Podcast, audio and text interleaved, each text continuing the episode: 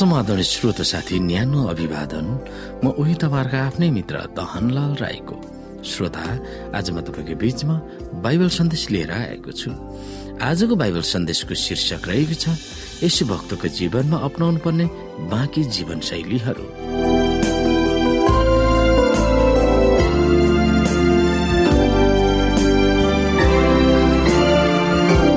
श्रोता दुई समूहका अर्थीहरू दिएर पावलले एफिसी पाँच अध्यायको एकदेखि बिस अन्त्य गर्दछन्।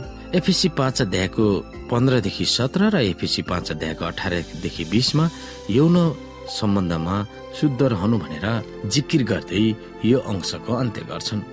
पहिलो समूह देहाएका अर्थीहरूबाट सुरु गर्दछन्। यसै कारण मूर्ख नहो र परमप्रभुको इच्छा के हो सो बुझ।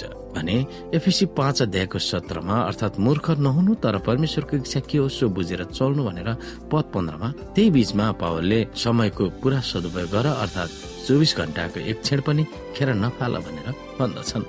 प्रार्थना गर्दै बुद्धि ज्ञानलाई चिन्दै र बुझ्दै जीवन बिताउनु भन्ने पावलको अर्थलाई ध्यान दिएर हामी सोच्न सक्छौँ। यसैले कसरी हिँड्छौ? ध्यानसँग हेर। निर्बुद्धि मानिस जस्तो होइन तर बुद्धिमान जस्तो समयको पुरा सदुपयोग गर। किनकि दिन खराब छ यसै कारण मूर्ख नहो तर प्रभुको इच्छा के छ सो बुझ। मूर्ख भएर नहिँड्नु र बुद्धिमान भएर हिँड्नुको बीचमा के भिन्नता छ? समयको सदुपयोग गर वा अङ्ग्रेजीमा रिडिमिङ टाइम्स जसको अर्थ समयलाई बन्धनबाट छुटकारा गर भनेर अनुवाद गरिएको छ। यसुलाई माया गर्नेहरूको निम्ति त्यसको अर्थ के हो? परमेश्वरलाई विश्वास गर्ने र उहाँलाई प्रेम गर्छु भनेर दावी गर्नेहरूलाई गरेको हिँड भन्ने आह्वान पुरानो करारमा जताततै छरिएका छन्। पावलले पनि यसुका विश्वासीहरूलाई बारम्बार त्यही आह्वान गरेका हामी पाउँछौ। एफिसी दुई अध्यायको दस चार अध्यायको सत्र पाँच अध्यायको दुईदेखि आठ यी पदहरूमा पावलले यसुका विश्वासीहरूलाई आफूले दावी गरेको अनुसार जान जानी यसुकै चेला भएर चल भन्ने आग्रहलाई बुझाउन हिँड भन्ने शब्द प्रयोग गरेका छन्।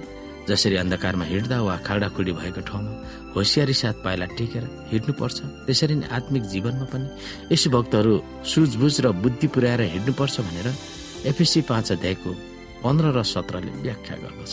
यसैले कसरी हिँड्छौ? ध्यानसित हेर। निर्बुद्धि मानिस जस्तो होइन तर बुद्धिमान जस्तो। यसै कारण मूर्ख नहो तर प्रभुको इच्छा के छ सो बुझ। पूर्वक हिँड्नुपर्छ भन्दा त्यो बुद्धि हामी भित्र नै भएको अनुसार होइन। परमप्रभुको वचनमा बुद्धिमान हुनु भनेको हाम्रो जीवनको अपार बुद्धिलाई प्रयोग गरेर चल्नु हो। यो अपार बुद्धि हो परमेश्वरको इच्छा के हो सो बुझ्नु। यसुको उद्देश्य प्रेरित चेला हुनु भनेको के हो भनेर पावलले ज्वलन्त वा दैनिक जीवनमा लागू हुने प्रतीक दिएर बुझाउन खोज्छ त्यो हो समय मानिसले समयको मूल्यलाई व्यवस्था गरेर चल्ने बानी छ। यसु भक्तले समयको सदुपयोग गरेर चल्नुपर्छ वा मानौ मानिस जस्तै समय पनि बन्धनमा र त्यसलाई सदुपयोग गर्दा त्यस बन्धनले समयलाई छुटकारा दिन्छ। यही धारणा पावलले कलसीको पुस्तक चार अध्यायको पाँचमा पनि प्रयोग गर्दछन्।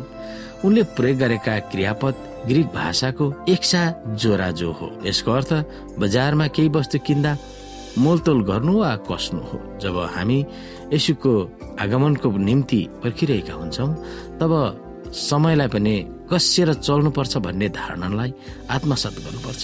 ग्रिक भाषाको शब्दमा समय भनेको गहिरोस हो।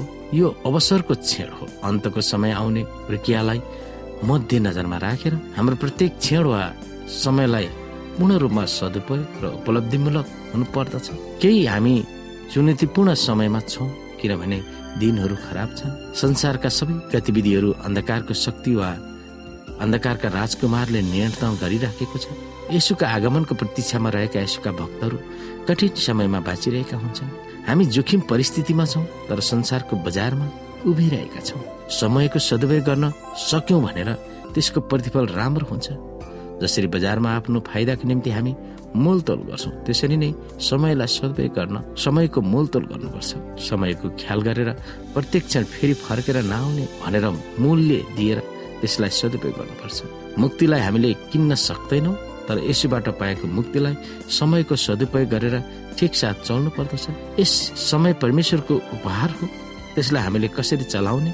त्यो हाम्रो उपहार परमेश्वरलाई हो। जब हामी समयको पूर्ण रूपमा सदुपयोग गर्छौँ त्यसमा परमेश्वरले हामीलाई आशीर्वाद गर्नुहुन्छ। जब हामी समय छँदा परमेश्वरको महिमाबाट टाढा पुग्छौँ अथवा समयलाई हामीले सदुपयोग गर्न सक्दैनौँ जुन समय परमेश्वरको महिमा गर्ने समयमा हामी पूर्ण रूपमा परमेश्वरको महिमामा हाम्रो जीवनलाई दिन सक्दैनौँ तब हामी परमेश्वरले दिनुहुने मुक्तिलाई व्यवस्था गरिरहेका हुन्छौँ अथवा मुक्तिलाई हामीले गुमाइरहेका हुन्छौँ। जब हामीलाई परमेश्वरले दिनुहुने सित्तैको मुक्ति समयको पुरा सदुपयोगसँग हामीले प्राप्त गर्न सक्दछौँ। यिनी कुरामा हामी विचार गर्न सक्दछौँ।